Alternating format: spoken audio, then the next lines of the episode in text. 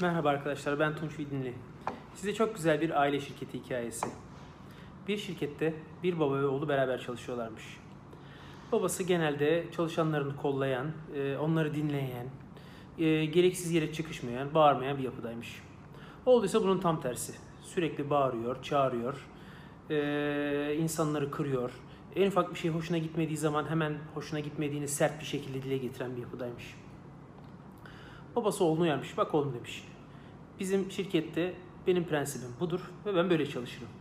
Ben böyle olduğum için şirkette eee, böyle yönetilir. Senden de ricam bundan sonra biraz çalışanlara karşı tavırlarını düzenlemen. Oğlu tamam demiş ama dinlememiş. Gene aşağıda bağırıyor, çağırıyor. insanların kalbini kırmaya devam ediyormuş. Sonra bir gün gene babası çağırmış demiş. Bak oğlum demiş. Seni daha önce uyardım tekrar uyarıyorum demiş. Eğer demiş böyle yapmaya devam edersen yakında demiş senle demiş yollarımızı ayırmak zorunda kalabiliriz demiş.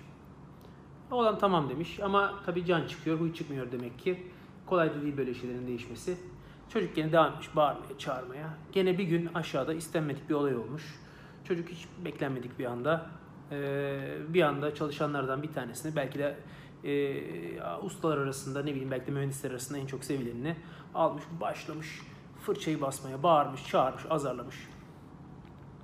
Babası görmüş uzaktan izlemiş. Ee, sonra ayrılınca oğlu çağırmış yanına. Oğlum gel demiş biraz konuşalım seninle.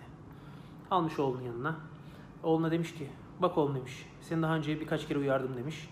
Fakat demiş sen uyarılarımı dinlemedin demiş. Şimdi demiş ee, şu anda demiş senin demiş patronun olarak karşındayım demiş.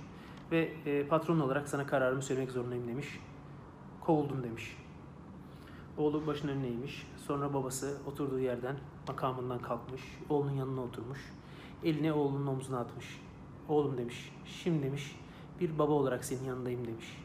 Duydum ki işinden kovulmuşsun. Sana nasıl yardımcı olabilirim? Güzel bir hikaye değil mi? Teşekkürler.